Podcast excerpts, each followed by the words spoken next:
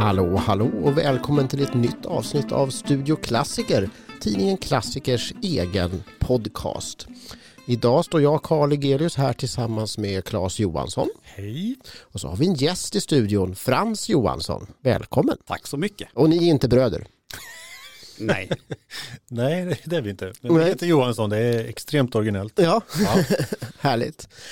Frans, eh, du har ju eh, jobbat mycket för klassiker. Eh, Nu har du gått vidare och blivit lite mer seriös men du har, ibland får vi låna dig i alla fall och du har skrivit en artikel om en bil som vi ska prata om lite senare. Men först tänkte jag fråga Claes här. Mhm. Du kommer precis tillbaka från Lund. ja, Lund har blivit mitt, mitt, min andra hemvist här. Ja, och hur kommer det sig? Jo, nej men jag har på intensivt, väldigt intensivt, att eh, bygga upp eh, mopedutställningen, mopeden, en svensk designhistoria. Eh, och det är upploppet verkligen varit på, sl- på sluttampen här och två års arbete och nu står allting uppe och är igång äntligen. Det var invigning eh, i sista helgen i september Mm, 26. och eh, hur var mottagandet? Ja, jag var ju på något sätt i stormens öga så jag vet inte hur mycket jag uppfattade men alla var glada som var där och det var så vitt jag förstår så var det rekord. Det var, under hela dagen där så var det 500 personer som kom. Så det var väldigt roligt. Mycket, mycket skratt och mycket glädje. Och en svensk eh, designhistoria.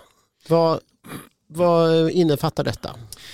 Ja, du kan gå ut ur studion så drar jag det här nu på en timme eller två. Nej, den kort, korta versionen är ju naturligtvis ehm, eh, svenska formgivare kan man väl säga, har jag koncentrerat mig på. Och uppmärksamma då deras, eh, deras verk inom, inom mopedindustrin. De, det var ju frilansformgivare, några namnkunniga, några mindre eh, kända, som gjorde de här klassiska svenska mopedmodellerna. Eh, och som du noga påpekade förra gången när du ringde mig när jag stod där nere och byggde så är det faktiskt en lite specialare där för att vi har ju en svensk formgivare eh, som jobbar för, för NSU som var västtyskt. Så det var en stor ära när faktiskt Pelle Pettersson dök upp där på vernissagen. Väldigt roligt. Av en slump. Jag hade naturligtvis bjudit in honom eh, i och med att vi ställer ut hans verk och, och eh, pratar mycket om hans mopeder och så vidare. Och, men jag var lite osäker på om han skulle komma men han dök upp, han och hustrun Irene, så det var väldigt, eh, ja, det var fint. Hur är det i hans, de mopparna som han har gjort? Det är NSU-moppar eh, under, det var sent 50-tal som de kom ut eller? Ja, det stämmer bra. Eh, så han gjorde, han gjorde tre, tre modeller, varav två kom till Sverige. De- är ju något av det mest eh, extrema som har gjorts i, i mopedvärlden, verkligen. Det var små, små raketer med fenor och ganska mycket, lite blinkningar till det han höll på med samtidigt då. Han var ju väldigt ung när han var utlånad eller jobbade för NSÖ. Han höll ju på med Volvo P1800 i samma veva och det där tycker jag man kan se. Men jobbade han som frilans då eller var det åt den italienska eh, designhuset som han jobbade med mopparna också eller? Ja, alltså det, det här var under en period när han jobbade, jobbade på NSU, han var anställd där och hans fästmö gick och hade tråkigt i en lägenhet. Eh, jag pratade med henne, hon var inte lika förtjust över den där perioden. Men, men eh, senare kom jag ju jobba för designhuset då, så att säga. Men, men NSU var ett, ett, han var anställd och gjorde, han gjorde en bil också. Det är inte så många som känner till det. Han gjorde NSU Prins 4. Mhm. Gjorde skissar på flera bilar, varav några kom till prototypstadiet. Och fyran skulle då vara en, en uppföljare på NSU Prins-serien. Och den hade små fenor och, och sådär. Men den kom ju aldrig i produktion, tyvärr. Man brukar ju prata om Pelle Pettersson när han ritade P1800 så sägs ju att han gick på, på Prats Ja, i USA. det stämmer. Och, eh, men detta är alltså strax efter Ja. då. Ja, men precis, det stämmer. Han kom hem ifrån USA som nybakad eh, designstudent. Han hade ju bland annat praktiserat som ritare på, på, i Detroit. Pratts, det var en skola eller? Ja, det var en väldigt eh, känd eh, designskola i New York som Ja, det är ju unikt att, en, att, att man skickar över en, en svensk elev där. Han var då den första som gjorde något sånt. Och det var hans pappa Helmer som drev honom verkligen. Eh, och eh, så hade ju han givetvis fått reda på att eh, ja, nu håller vi, håller vi på med lite sportprojekt igen här, pappa Helmer. Eh, kan du rita lite? Så han satt ju i USA och skissade på det där på kvällar och i skolbänken. Så att den var ju väldigt färdigritad när han kom hem igen och då satte det ju fart. Ehm, så att man valde just hans förslag. Då. Det är ju hemskt roligt att stoppa in den i någon slags Volvo Sport-kontext också naturligtvis när man ser hur jag skulle någon gång vilja skriva en riktig fördjupande text om gå på djupet i Helmer Pettersson. Ja. För han var Ja. nog en eh, mycket speciell herre som jag tror spelade sina kort väldigt väl i Volvo-sammanhang. Han var mycket drivande på Volvo, verkligen. Och, och inte så omtalad så här i efterhand. Man vet några, några Ja, Nyckelmoment som Ja. man känner till. Liksom. Ja. Ja. Man kan väl nästan säga att, att Helmer var pappan bakom PB44 oh ja. och eh, egentligen parallellt också höll på med en massa egna projekt Mm. runt det där va, med gengasaggregaten Ja. och så har man själv, själv eh, hade både egen business och livnärde sig på Volvo Ja. parallellt. Ja. Och jag har pratat många gånger med Pella och han be- bekräftar den här historien som man har hört och det att, att han uppfann ju, Helmer Pettersson uppfann ju den här solskyddet till PVn i plexiglas som vart en jätteslager. Sålde enormt mycket. Som han sålde då i egen firma. Precis. Och det var eh, tack vare de pengarna som rann in där som han kunde skicka sin son till, till eh, designskola i USA. Aha. Så att eh, Pelle hade en sån här skärm hemma i garderoben och visade det, tack vare det här som jag kunde komma vidare i karriären. Och för du har ju träffat Pelle Pettersson och varit hemma och gjort reportage Mm. hos honom. Ja, flera gånger. Eh, han är ju väldigt lågmäld och oerhört trevlig och, och eh, det är spännande och han drar fram en, en, en låda och sen oj, här har vi lite grejer. Och, så han, han hade alltså en, en mapp med frua stod det på med sigill på så här. Så, och så tittar vi på originalskisserna. Det, ja, det, är, det är speciella ögonblick verkligen. Till P1800 Mm. som har han kvar. Mm. Det är helt fantastiskt. Ja, det är det verkligen. Jag hade ju förmånen jag, att ta del av, av lite mopedskisser också, för han ritade ju även till Monark. Um, lite roliga skotermodeller som var lite svängiga. Så. Påminner lite om lite Bertone-design sådär. Tyvärr inget som blev, blev genomfört, men, men skisserna finns ju bevarade och de visar vi på utställningen. Helmer var ju, han var ju tävlingsförare i USA. Just det.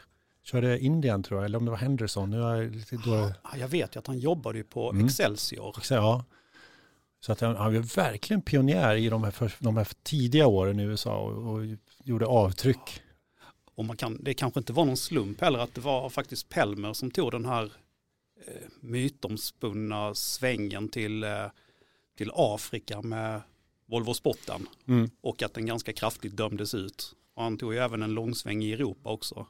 Och sen hände det ju ingenting egentligen. Man gjorde ju aldrig någonting åt de här delarna som var egentligen ganska, ja, chassit var ju inte färdigt på bilen och det var ju mycket som inte var klart på Volvo Sport. Nej, precis. Och det är den vi ska prata lite grann om nu. Eh, Vol- tänk, jag, tänkte, jag hade tänkt att vi ska inleda, idag ska vi prata om sport i klassiker.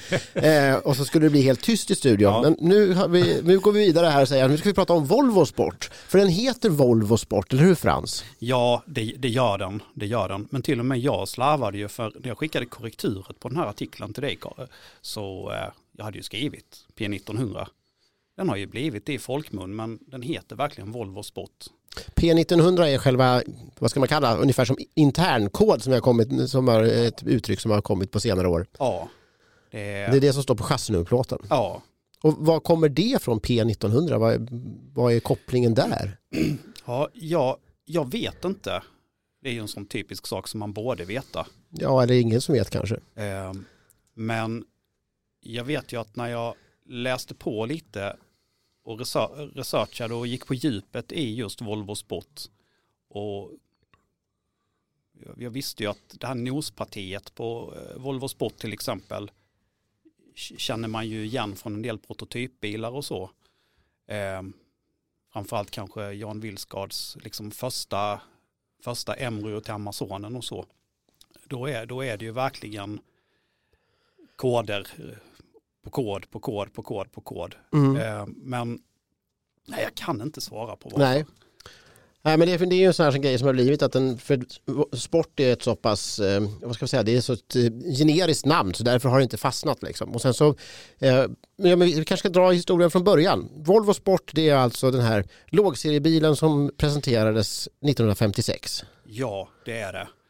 Och Och hur kom den till egentligen? ja, det där kan man ju fundera en del på.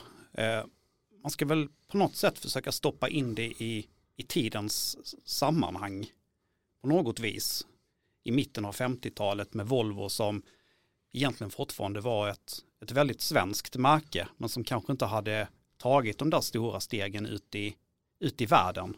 Företaget var inte ens 30 år gammalt. Nej, nej. Och Assa Gabrielsson som, som vd som hade varit med sedan sen ÖV4s tid. Och det var ju väldigt mycket USA som man siktade in sig på i början och som jag har förstått det så var det väl 1956 som man liksom på något sätt nu skulle vi hårdlansera oss. Eh, och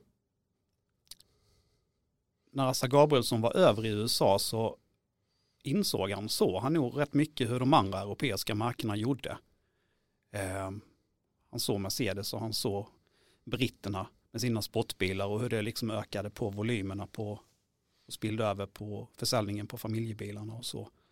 Eh, så att jag tror att det var, det var så han såg på saken.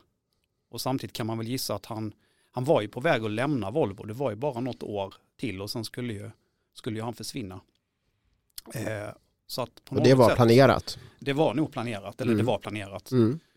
Så han, eh, han, ville nog, han ville nog lämna någonting starkt bakom sig.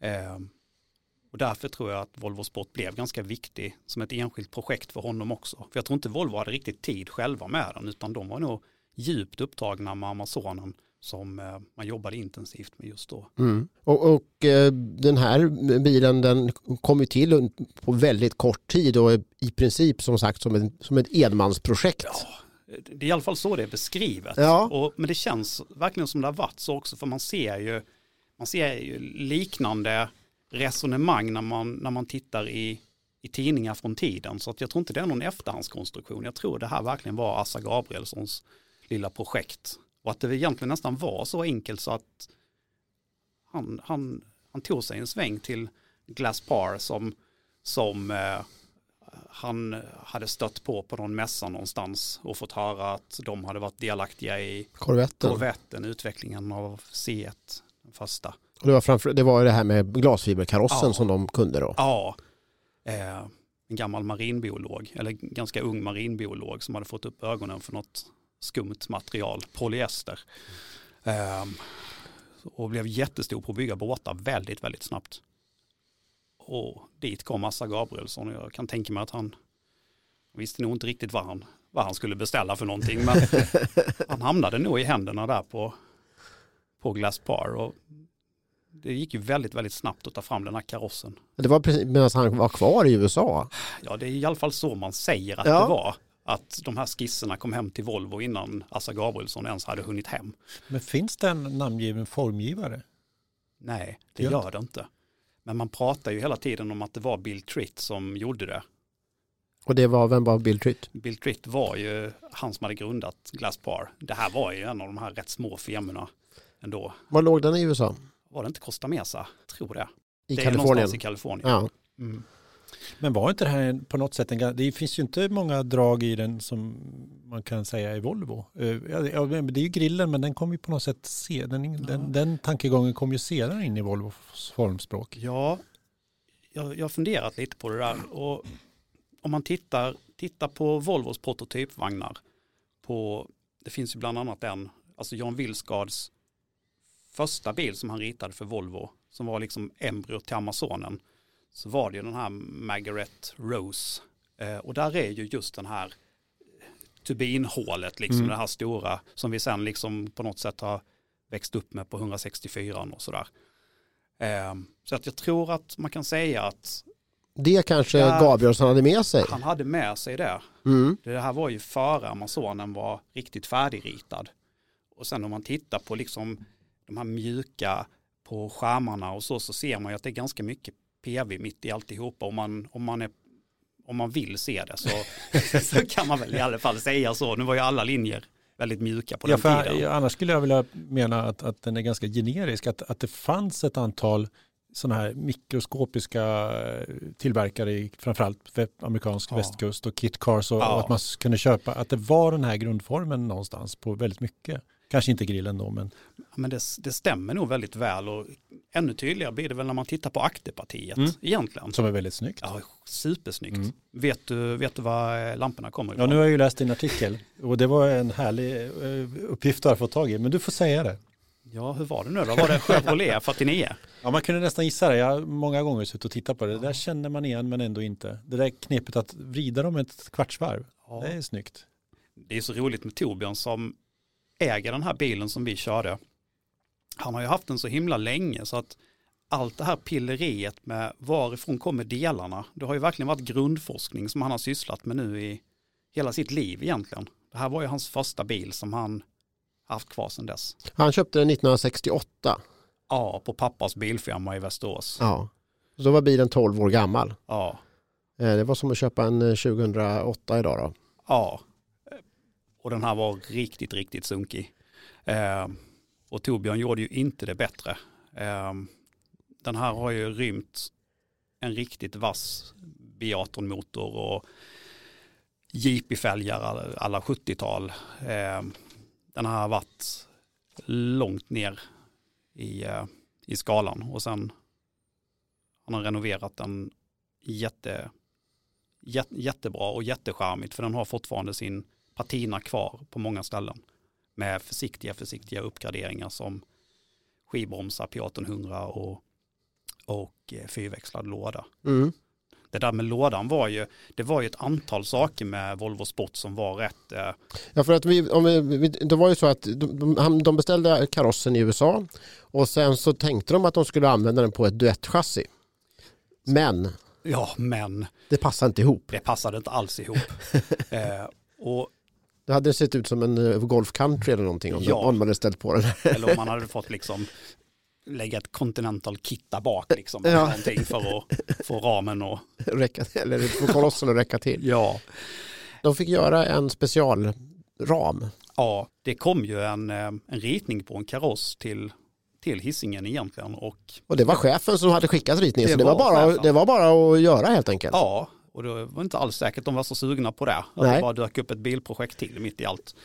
Eh, Men i alla fall det gjordes en ram och man kan nog säga att det är en, den är byggd på, det är en slags rörram med hålborrade sidor. Som motor tänkte han ju sig en B14A, alltså en B4B som eh, var uppgraderad med annan kamaxel och dubbla SU och Sportmotorn. ja, och den legendariska fullflödes oljereningen som vad jag förstått bara har suttit på dessa motorer.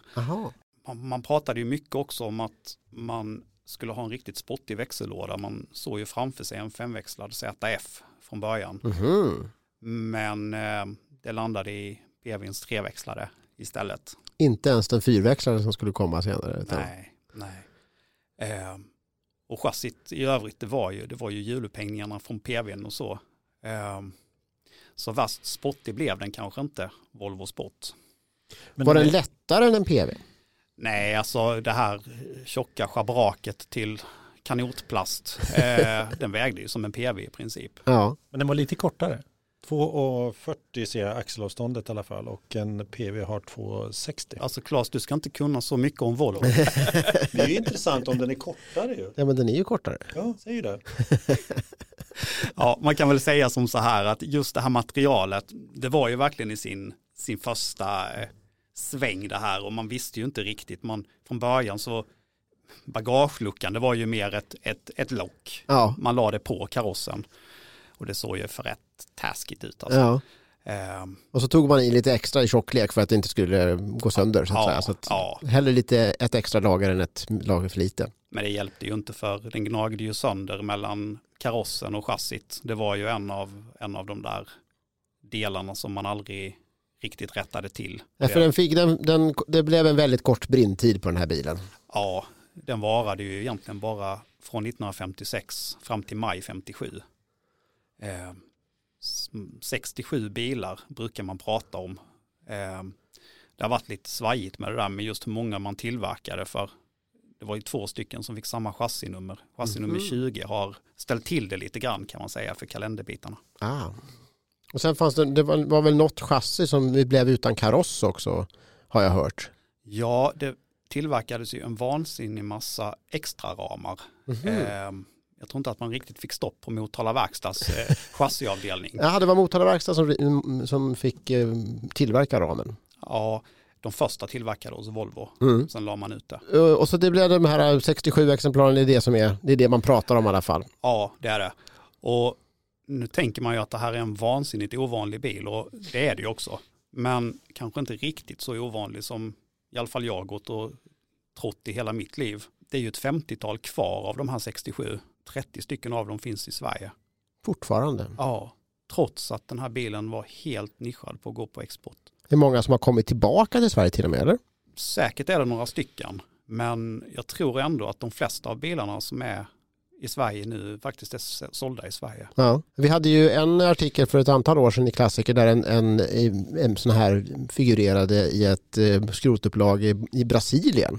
Det var otroligt häftigt det där. Det där var ju chassi nummer två. Och när jag visade den bilden från det reportaget för Torbjörn som äger den här bilen så blev han eld och lågor för han, han för ju kartotek på var bilarna befinner sig och så. Och den var ny för honom. Jaha, okej, vad roligt. Vad har vi, vilket chassinummer har Torbjörn på sin bil? Han har nummer 44 va? Och eftersom det tillverkades 44 bilar 1956 så är väl det här den som man skruvade ihop dagen innan julafton eller någonting sånt där.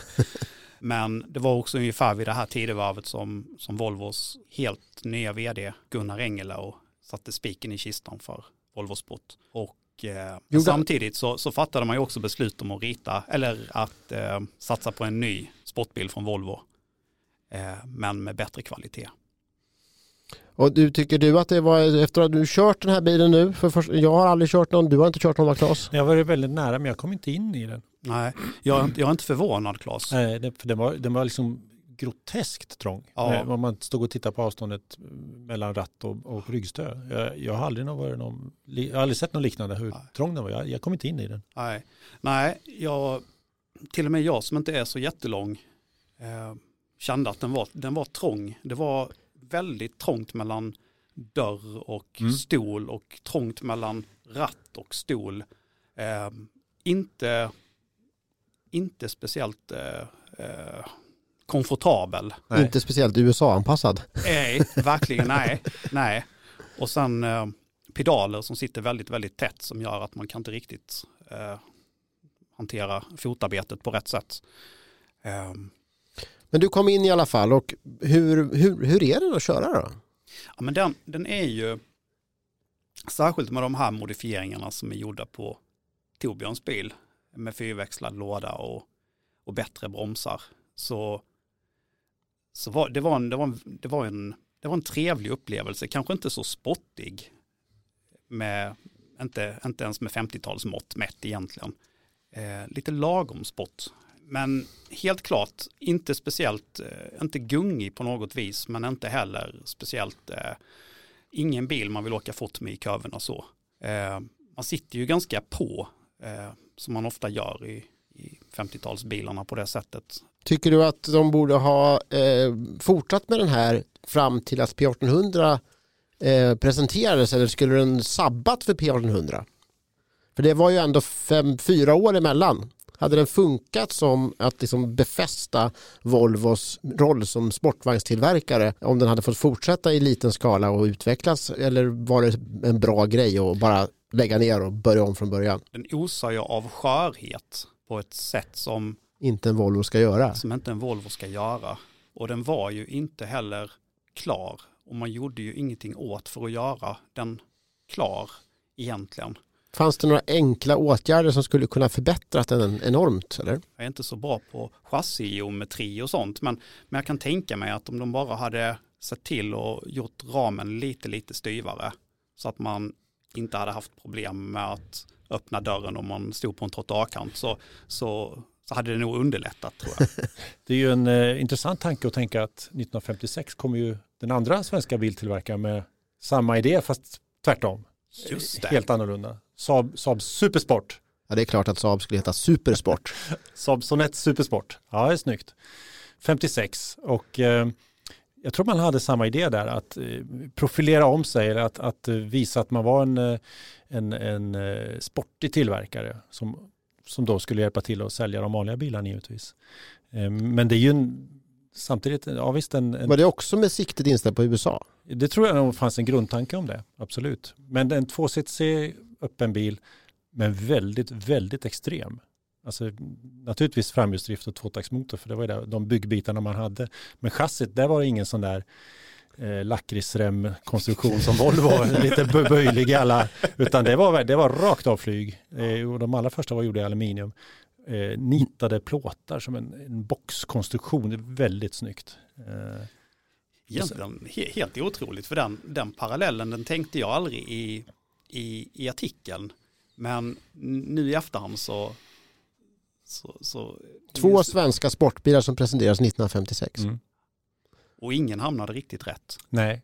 Nej, men man utgick från sin egen lilla värld tror jag på något sätt och, väldigt mycket slumpmässigt. Att det var, Ett fåtal personer ja, som drev som- det där väldigt hårt. som Och- råkade dricka kaffe samtidigt. På- Sen kom eller- på det här. På, Eller på, något på annat än Sturehof. Ja, nej.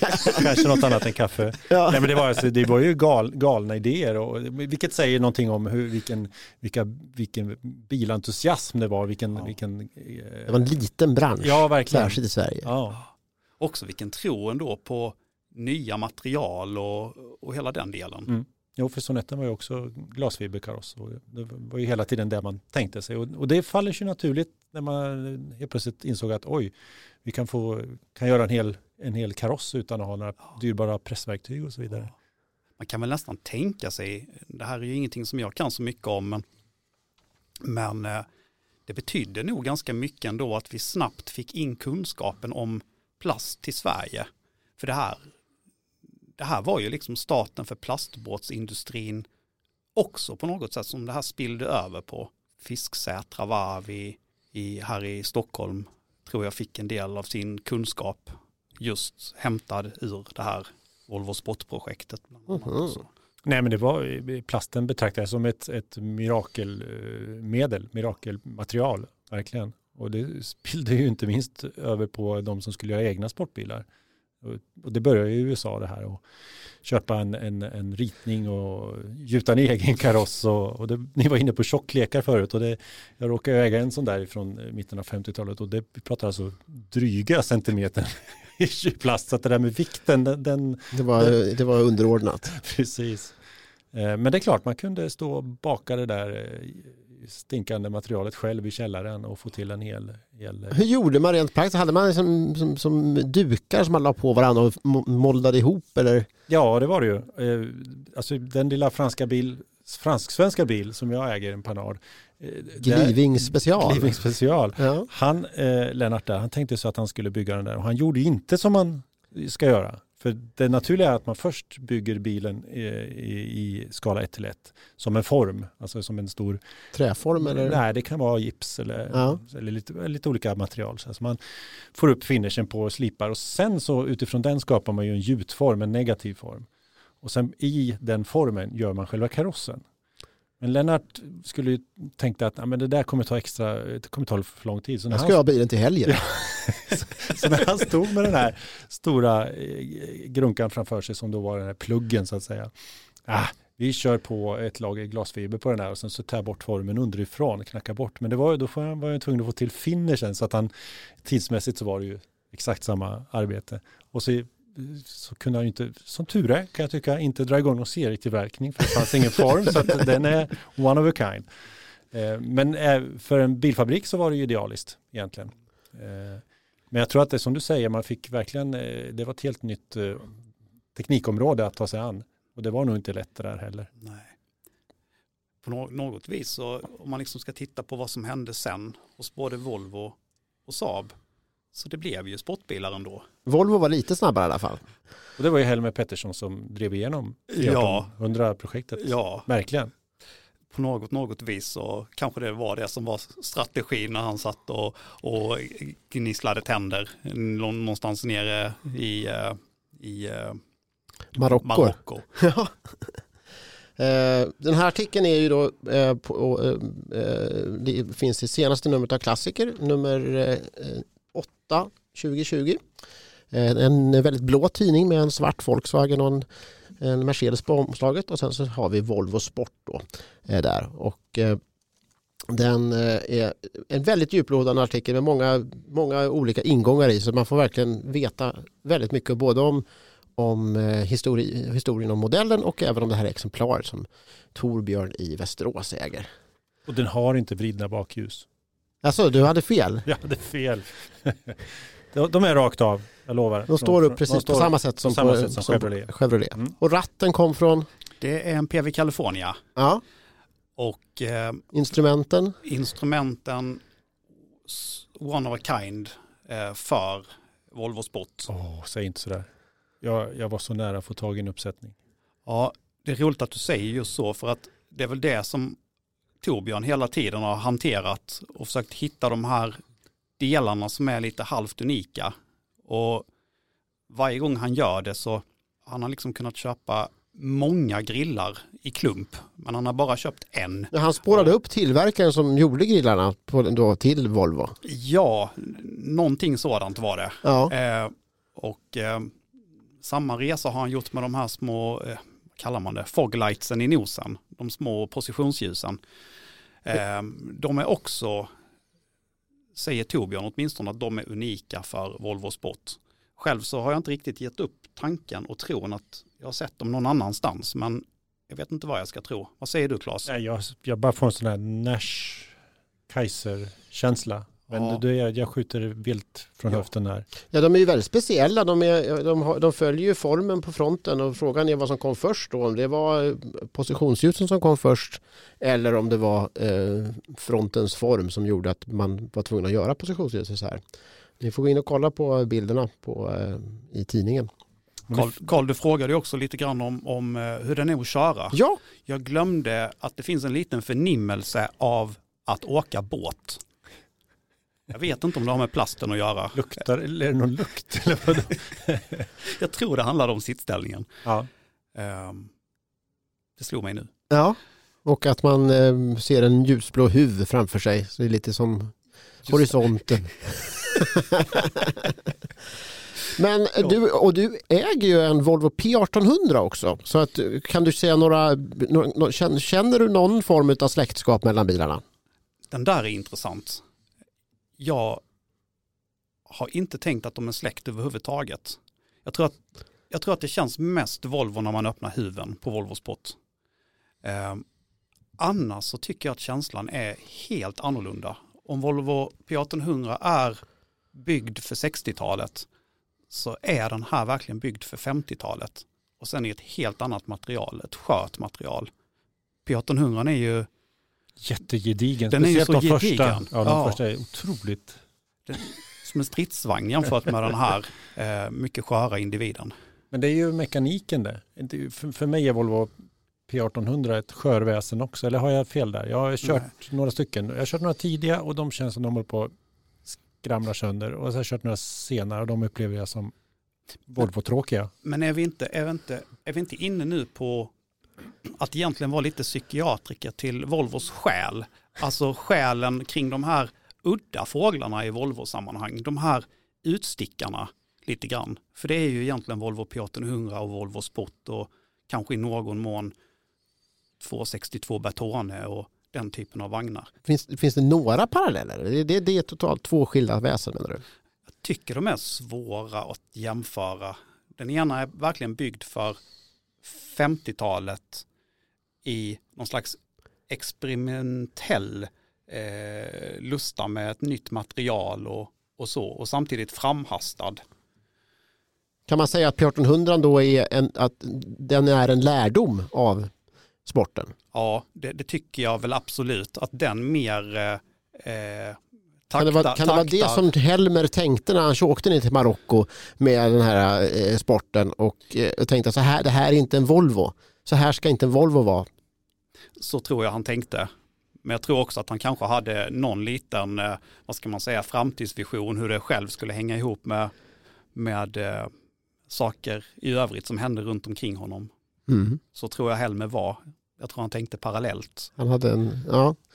Eh, Men eh, om du ska jämföra med någonting annat då som du har kört, är det, är det mer åt det, som MG eller är det Corvette eller vad, vad, vad pratar vi om för körkänsla? Ja, Om vi ska prata, det kanske inte ens är en sportbil du tänker på. men jag, jag, jag har hela tiden tänkt, jag hade förmånen för en massa år sedan att köra en tidig Corvette. Eh, och det här var efter en kompis hade köpt den här bilen. Eh, och han var ungefär lika lång som, som Claes. Och han hade gått och drömt om en Corvette C1 i hela sitt liv. Och så bestämde han sig för att köpa en efter mycket om och men. Och han hade aldrig provkört den. Och han kunde i princip inte köra bilen. Eh, och känslan som jag minns tillbaka på den bilen var ganska, det påminner ganska mycket om Volvo Spotten, även om den är en helt annan bil egentligen. Men den här körkänslan att sitta på, att det är trångt. Ratten i näsan i princip. Ja, Ja. ja. Eh, Så jag drar en parallell dit. Men det är också så att jag har inte kört, jag både har kört mycket mer brittiska sportbilar känner jag. Eh, För det finns säkert många likheter där också. Eh, För det är ju en, det är en väldig 50-talskänsla i den här bilen. Det, det är det. Men den hade en fin slogan i brosky- broschyren. Redan i framtiden. Just det. Tycker jag det är fint. Det låter lite som det programmet som jag alltid tänker på när jag, jag har lyssnat på P1 i hela mitt liv. Det är inget statement, Och det är normaltillstånd, det är lugnt. Då har vi spanarna i P1. Och sen så när ni drog igång podden här så det är, liksom, det är lite samma sak. Det är intelligens, eh, nördintelligens. Eh, så eh, ja, det här är nog mer en slogan kanske för spanarna i P1. det, här, det här kan vi klippa bort. Nej, det var jättebra. Ja, jag, jag försökte ställa en fråga här men jag tycker inte jag riktigt fick svar på den. Eller också fick jag svar, det svar jag inte vill ha, jag vet inte. Var det rätt av Gunnar Engelau att dra i handbromsen och släppa hela projektet?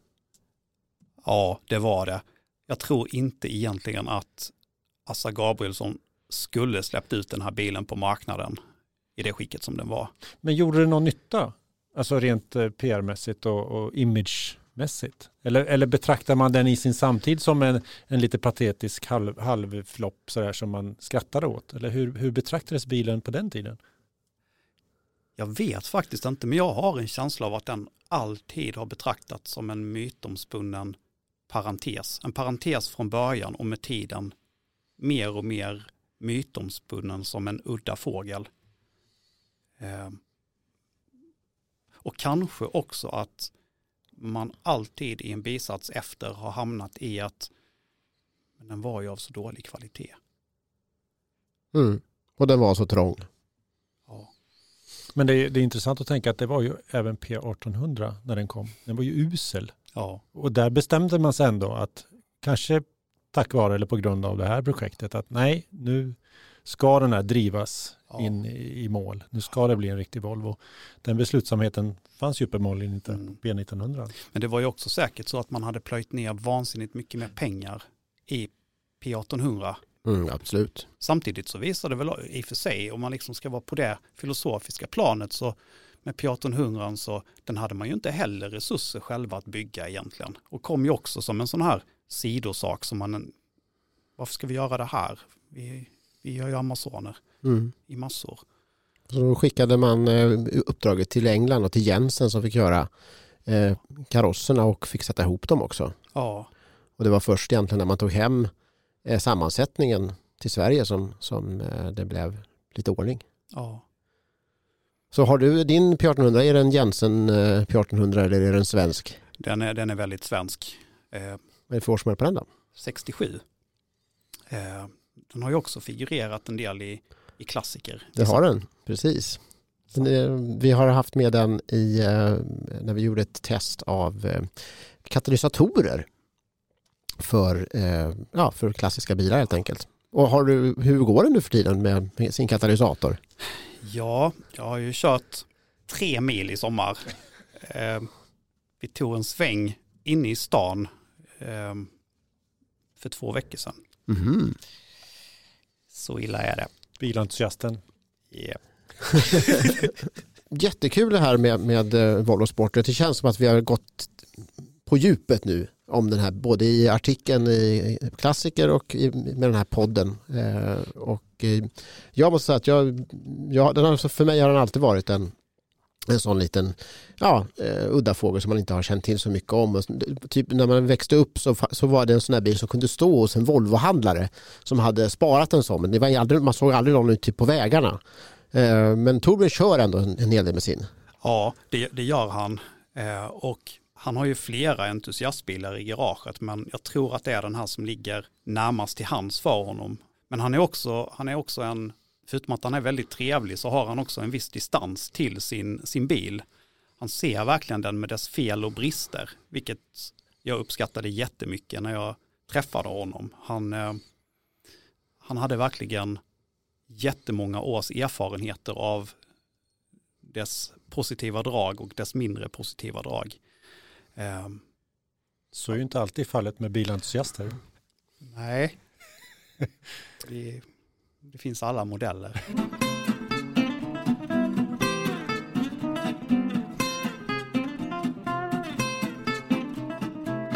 Ja, och eh, ska vi gå vidare lite grann här och höra eh, med eh, om vi har tagit in biltombolan här i studion. Jag ska se var den, var den står. Kan du ta fram den Claes? Den står här. Bra, kan du starta upp den? Ja. Tack det räcker. Får inte, får inte rulla för mycket. Nej men eh, ta och stick in handen där nu. Okej, och, okej. och, eh, du får akta fingrarna. Akta, akta. Där ja, bra. Så okej, vad står det på lappen då Claes? Det står Ferguson. Vad är det för något? Det är ju en jättehäftig bil. Ja, Den här eh, fyrhjulsdrivna eh, prototypen. Ja, men som- så står det inom parentes traktor. Okej, då har jag ingenting att säga. Nej, då kan du gå ut. men, men en som kan väldigt mycket om tra- traktorer och grova maskiner och lastbilar. Det är ju Frans. Vilken tur. Ferguson, vad tänker du på när du hör det? Ja, ehm, jag tänker nog på farfars grolle egentligen. Ehm, jag kan inte så mycket om traktorer. Jo. Ehm, ja, men grollen, är väl, grollen har väl varit traktorn som egentligen mekaniserade det svenska jordbruket så, ersatte hästen. Men var alla grå? Inte var det väl så? Jo, alla var faktiskt grå till en början. Eh, målad med eh, Spitfire-färg. Mhm. Flygplansfärg alltså. Ja. Nej, men det var ju en, en ehm, Harry Ferguson, ett, eh, en galenpanna och geni och eh, entreprenör av stora mått som tog fram den där. Och det, den bärande idén med den var att den var liten. Att den var som en häst. Det var verkligen hästens ersättare. Och den skulle vara enkel att tillverka. och, och väldigt, väldigt smart på många sätt. Om man jämför den med många, många av, eh, inte minst i Sverige, vi hade ju också tillverkare, men det var ju stora järnklumpar. Det här var ju en liten smidig traktor. Um, med en väldigt speciell trepunktslyft där bak också som var egentligen en integrerad del av hela, hela traktorn. Ehm, det blir för svårt för mig att riktigt förklara det där, men, men den var snudd på genial. Ja, den, Eh. var, den var genial, verkligen. Den samarbetar med sina eh, redskap och man kunde koppla på i princip vad som helst bak i de här kraftuttagen Ja. och trepunktsupphängningen. Och så köpte man redskap genom Ferguson också. Så eh, man kunde ju köpa vad som helst. Det var lastaren och det var gödselspridaren och det var mjölk- haven. Och så. Mjölkpallen var ju fin. Ja. Eller mjölkflaket där. Näsklipparen. Äh. Mm. Ja. Jordborr. Det finns mycket, mycket spännande saker till en grolle. Men grollen har ju också blivit, den har ju nästan blivit lite, um, Stuvpinnekultivator. sluta. eh, den har ju nästan blivit, ifall någonting kan bli nästan lite för mycket en ikon, så är det väl nästan den. Den har blivit som vespan, sådär. Ja, alltså överlevnadstalen är ju e- enorma. Nästan alla grollar finns ju kvar och de är billiga fortfarande. Mm. Och man, kan, man tycker om dem från, från allra första början. Så att den, det är väl mycket, ja, mycket namnet och storleken. Ja, och den förtjänar att vara en ikon, Ja, jag. det gör den. Dit jag ville egentligen jag försökte att, släpa Klas nu. Någon BM- BM-produkt då förstås? Det där att det finns så många andra väldigt spännande traktorer som är både lite billigare och liksom mindre kända. Så? Men med samma stora charm. I alla fall för oss som gillar gjutjärn Ja. och klumpeduns. Nej, jag är väldigt fixerad vid grollen just. Men, men jag är inte så kunnig på övriga traktorer överhuvudtaget. Men jag kan tänka mig att det finns en och annan billig. Om du skulle köpa traktor. en, en eh, veterantraktor, vad, vad skulle du satsa på då Frans? Den är så, den är så svår. Jag, jag skulle ju vilja ha en sån där smalspårig John Deere egentligen. Den är ju också en sån där som alla vill ha, men som är så himla amerikansk i sin framtoning. Och också det här tuffa med, med centrerade framhjul som är precis, precis under, under grillen. Ehm, En dum fråga, varför hade de det? för att snabbt kunna, eller smidigt kunna svänga egentligen. Ehm, när man till exempel harvade och sådär att, att eh, få till en, en eh, Men fanns det några mer traktorer som hade den idén? För det ing... nej det, det fanns fler, det var, det var väldigt amerikanskt att tänka så. Så att För att maximera liksom, tiden på åkern. Farm, Farmal var ju ett annat amerikanskt märke som var också väldigt fräna traktorer. Alltså. Ehm, och här på hemmaplan, alltså Munktell var ju inte heller dåliga med, med sina maskiner. Ehm, det är ju det som sen liksom vandrade in i det som blev BM Volvo först och sen bytte man namn så det blev Volvo BM istället. Och sen, De hade härliga namn också. De är stöddiga är de, de är Ja. tuffa.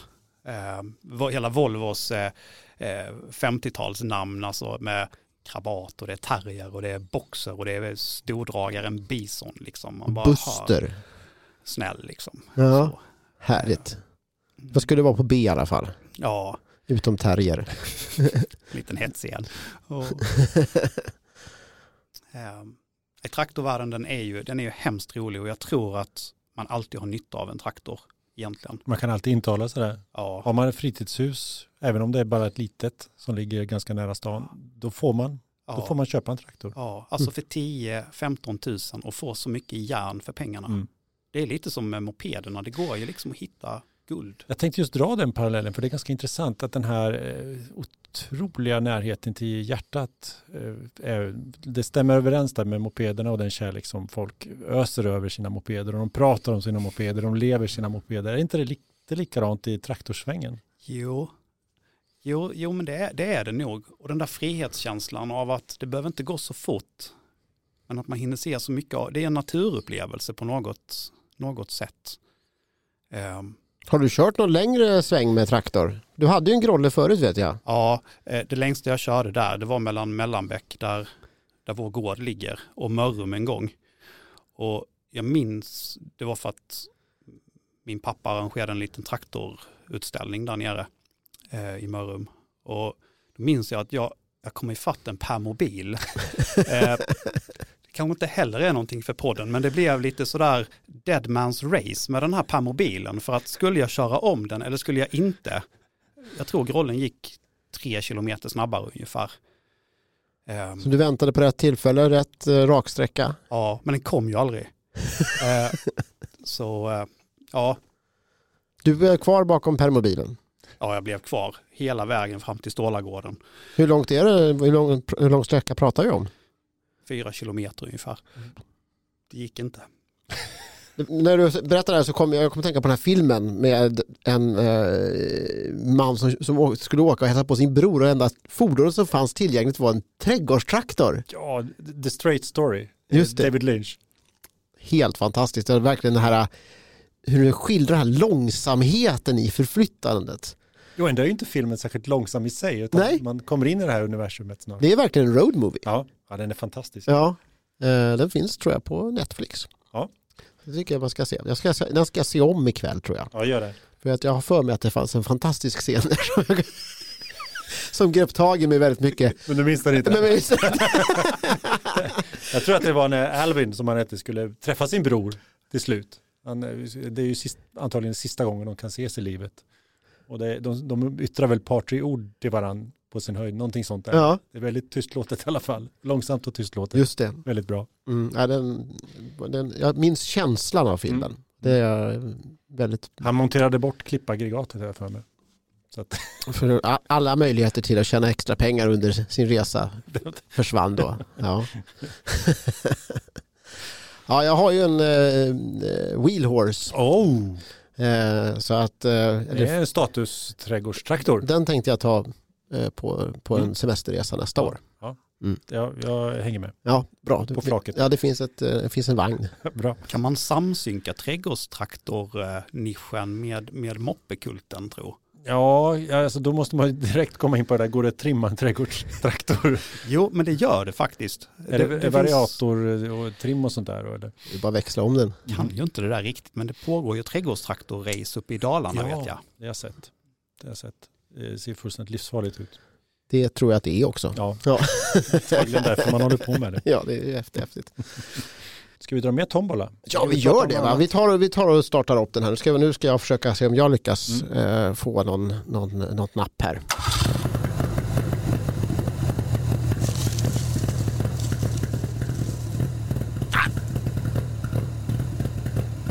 Citroën Visa står det på den här lappen.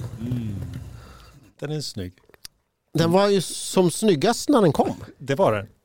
Den var lite asymmetrisk. Ja, Det är roligt. Ja. Asymmetriska bilar ja. i utseende och i, även i... Hur var den asymmetrisk?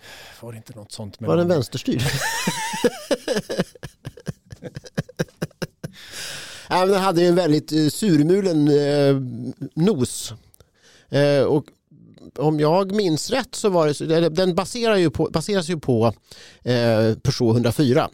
För att eh, Peugeot hade ju slukat Citroën vid det här laget några år tidigare. Och, eh, då, men, och Citroën hade en småbil på gång som eh, eh, då skrotades, eh, det projektet. Men eh, Peugeot plockade lite från formgivningen av det här projektet och eh, målade ihop det med, med Peugeot 104. Och den här första Citroën-visan den fanns bara ett fåtal år eh, innan den som så ofta med Citroëns modeller att de, den normaliserades lite. Jag blev mer ointressant. Ja, men blev Egentligen. lite mer säljbar. Ja, ja precis. Naturligtvis. Den hade en fantastisk inredning den här första visan. Med, det var mm, enekrad ratt och sen så var det de här satelliterna eh, som, eh, som var så moderna. Man skulle nå allting från ratten. Mm. Alla reglage och så. Mm. Vilket tidevarv talar vi om ungefär? Vi pratar väl om 1978 skulle jag gissa. Den kom. Mm. Eh, och eh, den, eh, den var väl en av de här bilarna som hade en vindrutetorkare. Ja, det stämmer. Det är nog det jag far efter med symmetriner som jag inte riktigt kan eh, leda i bevis. Men alltså den här fronten den har, den är som en drickaback i nyllet. Den är ju helt fantastisk. Ja, Det ser ut som, som stötfångaren och, och grillen är gjuten i, i ett på något sätt va? Så kan det mycket väl vara. Det var, där håller man också på med, på 70-talet så var ju, det var mycket experimenterande med plast och stötfångare i, i Frankrike. Eh, Renault 5 som, där, eh, som kom eh, några år tidigare, där stötfångarna egentligen för första gången var en, en del av karossen så att Mm. säga. Mm. Det var gjutna i plast. Som om, de, om, den, om de försvann så fanns det liksom nästan inget kvar av bilen. Eh, ofta var det ju tvärtom att det bara var stötfångarna som fanns kvar sen efter ett tag.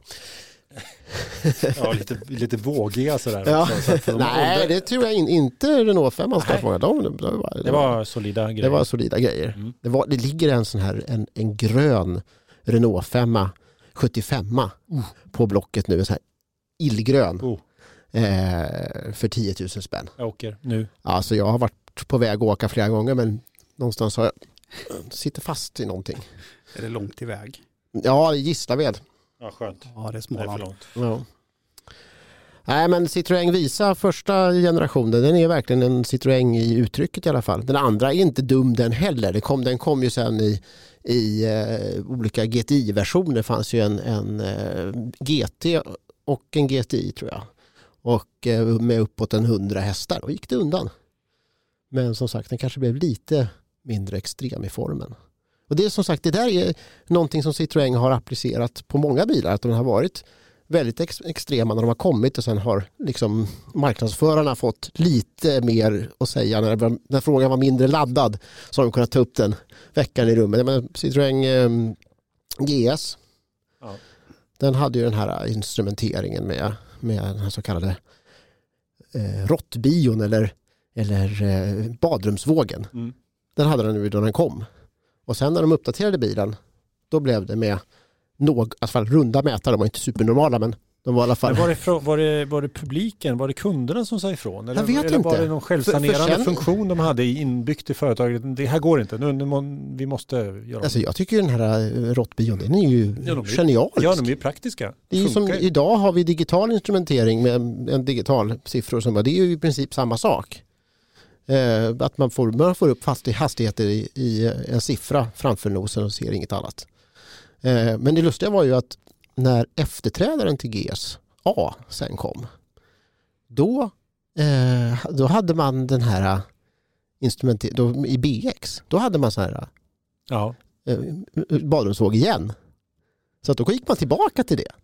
Och sen blev BXen normaliserad jag skulle vilja efter några år. ha avlyssnat alla dessa, om man nu hade kunnat franska, avlyssnat alla dessa produktmöten Mm. man satt i och strat- strategi, alla dokument som lades fram, Mm. eller inte. Mm. De kanske aldrig la fram några sådana dokument, de bara gjorde, man får Ja. den känslan. Ja, Frans, har du några känslor för Citroën Visa? Nej, nej, det är helt känslolöst. Det är dött. Eh, det borde jag nog kanske ha, men, men nej. Jag kan för lite om dem för att säga någonting. Men den står väldigt märkligt på sina hjul. Det är, det är någonting som många, förenar många Citroënger, tycker jag. De här, att de har en, en konstig hållning. Eller de citroenisterna kallar den säkert inte konstig, men den, den förhåller sig märkligt till asfalten, till normalplanet. Det är ju, jag fick smyggoogla några bilder och man märker ju verkligen det där hur, hur den, den står ju ganska högt och den blir ju gärna lite sned. Mm. Jag kan tänka mig att du som fotograferar så Ja, mycket Claes, ja. att det är ett elände att fotografera dem för att de vill inte stå rakt Nej. riktigt. Nej, nej, men den har liksom inte markkontakt utan den vill iväg, Ja. vill uppåt, uppåt framåt.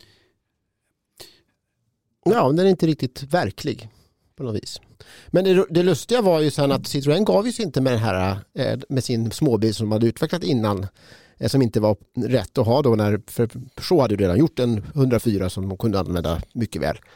Men de kunde inte riktigt ge sig. De tyckte ändå att den var ganska bra den här som de hade utvecklat. Så de skickade vidare den till Rumänien Mm. och då blev det en Oltsit. Oltsit, ja, just det. Så den Oltsit, och det lustiga är att Oltsit blev sen Citroën Axel som såldes av Citroën i Frankrike. Som, så att de, den, den nästlades in bakvägen på något vis ändå. Men Och en, det lustiga var att den såg ut, den såg också ut som en visa så man trodde att det var en, en billigare visa. Eller, produktstrategerna, de är, satt på vinlunch. ja, Men- men, det är men- sånt där som är så himla kul när man Nej. anar en, Är en plan som går fel. Ja, är jag ute på halis när jag säger att Oltsit dessutom hade en tvåcylindrig boxer. Det är helt riktigt. Så då tog man, för Visa var ju en vanlig motor. Ja, jag tror den fanns med, med två, jag har för mig att den fanns med boxer också. Men inte den här boxen från 2CV. Självklart. Utan det en var- lite, lite, lite större boxer. Jag tror att den var på 652 kubik. Eh, och, eh, och den här eh, eh, 2CV-motorn är som störst på 602 kubik. Och sen kom, eh, sen kom ju Citroën AX. Ja, Var inte den också lite konstig i början? men den var ju otroligt häftig. Men det är också, den, den är ju helt personifierad i botten. Ja. Eh, men eh, jättehäftig eh, koncept. Den fanns som GTI också. Den fanns som GTI, i alla fall GT. Ja, den fanns säkert som GTI, men i Sverige såldes den som GT i alla fall. 80 hästar, det räckte jättebra för den vägde ju ingenting. Och den hade också singeltorkare. Jag tycker det är, Ja, det, det är snyggt där. jag kommer in på det ofta här med Mm, singeltorkare. jag Jag, tycker att det är, det, är, är häftigt. Nej, men Citroën har ju en fantastisk förmåga att kunna framställa märkliga, i mångas ögon ganska fula småbilar. Det är väl sånt där, man måste träna sig lite och titta på dem på, på rätt sätt tänker jag. Samtidigt som man gjorde undersköna, stora, pösiga CXar och DSar. Och det var sån, det var sån otrolig skillnad i sortimentet på hur, vilket uttryck bilarna hade. Ja, det var väl småbilar som drog in pengarna till de stora. Ja, och vilket är ganska märkligt när man tittar på dem idag. Att Ja. de är så eh, särpräglade på alla vis. Ja.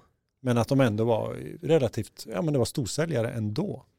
Ja visst, det är ju att Citroën Ami var eh, eh, toppade försäljningslistorna i Frankrike eh, under flera Ja, år. det, går inte, det går inte att begripa och, och att det är samma formgivare och, som, som till, till DS. Men en sak jag har funderat lite på är, ni som, som är citronister mer än vad jag är, alltså vem är det egentligen som bestämde på Citroën? Var det formgivaren eller ingenjören? Eller hur ska man, hur ska man tänka egentligen? För en del företag är ju ingenjörsdrivna. Jag har ingen djupare insyn i det där men jag kan tänka mig att det var ett väldigt intrikat, intrikat växelspel däremellan för att, för att i, många lägen så var det ju ingenjörer som drev utvecklingen på Citroën naturligtvis med de här gashydrauliska systemen och, och alltihopa. Eh, och de dockade väl ihop med de galnaste formgivarna på något sätt och framförallt körde över ekonomerna. Men det, Och Sen Nej. tror jag också att, att lite grann av de- deras egna bild av vad Citroën var för ett företag, vad de skulle göra för bilar, drev på det här att det skulle vara annorlunda och det skulle vara lite udda. Så man levde myten om sig själva. Ja, någonstans så tror jag. Eh, Men sen tror jag också att, eh, jag, jag håller inte med om att de är fula bilarna. Nej, Jag, det, jag sa inte att, de, att jag tycker de är fina. nej, Men eh, man, no, allmänt sett. Ja, okej. Eh, nej, men ju- just det här, om man, om man gillar någonting vid första anblicken, då blir det väldigt snabbt ointressant. Cindy Crawford-syndromet. Ja, eh, Sven-Bertil Taube hörde jag. Det var, så här, så här, det, var, det var någon undersökning om det. Då hade de som, som eh, eh, exempel Sven-Bertil Taube och någon kvinnlig eh, väldigt snygg person. Att de, har, de, är så, de är så snygga som man kommer inte ihåg hur de ser ut. Mm. Så att eh, bilvärldens Sven-Bertil Taube, vad, vad har vi där? Ja, det är väl många... Det kommer vi inte ihåg. Nej, jag minns inte alls. Vad pratar du om? Ja, men en sven, Hur ser han en ut egentligen? En svensk måste väl ändå vara Amazonen som man inte har tittat på så noga under många år men helt plötsligt bara vaknar upp och man ser den som vacker.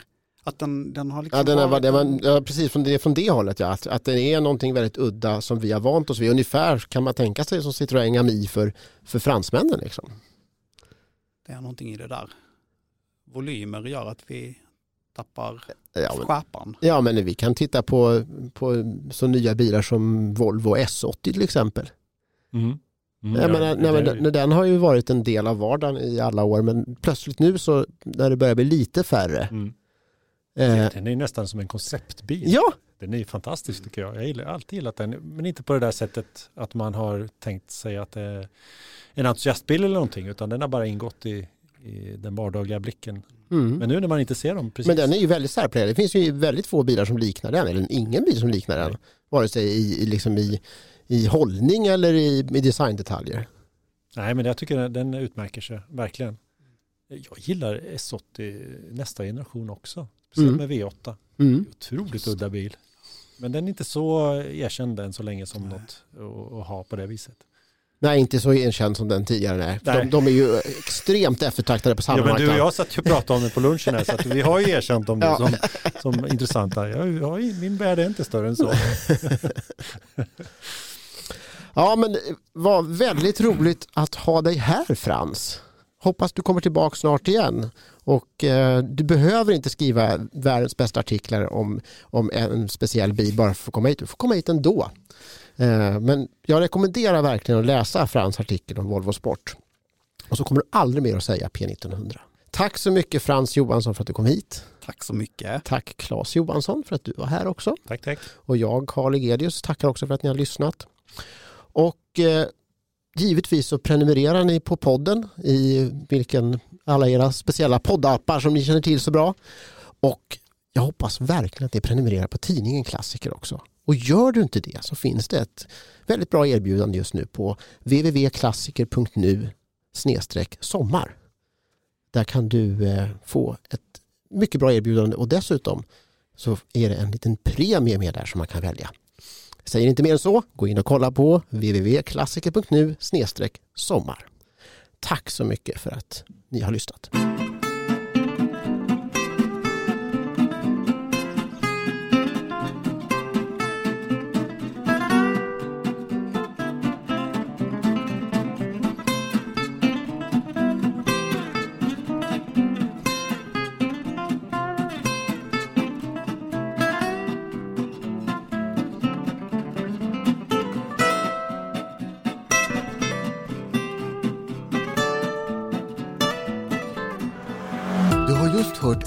En fantastisk episod av Studio Klassiker och OK-förlaget producerar fler poddar. I Vi Bilägares podcast ger vi dig nyheter från bilvärlden. Vi testar de senaste modellerna, diskuterar aktuella trafikfrågor och håller dig uppdaterad om utvecklingen i vårt långteststall. Vilken bil står på verkstaden just nu och varför? Vid Bilägares podcast finns där andra poddar finns och förstås även på vår hemsida www.vibilagare.se podcast. Välkommen att lyssna!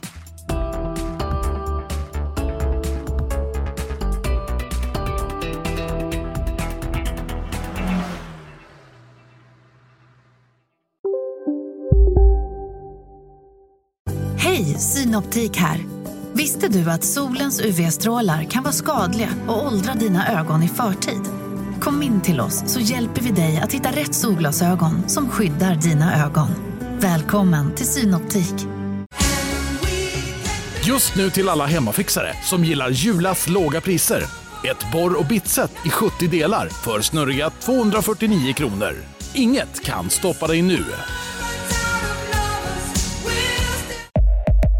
Upptäck hyllade XPeng G9 och P7 hos Bilia. Våra produktspecialister hjälper dig att hitta rätt modell för just dig. Boka din provkörning på bilia.se xpeng redan idag. Välkommen till Bilia, din specialist på XPeng.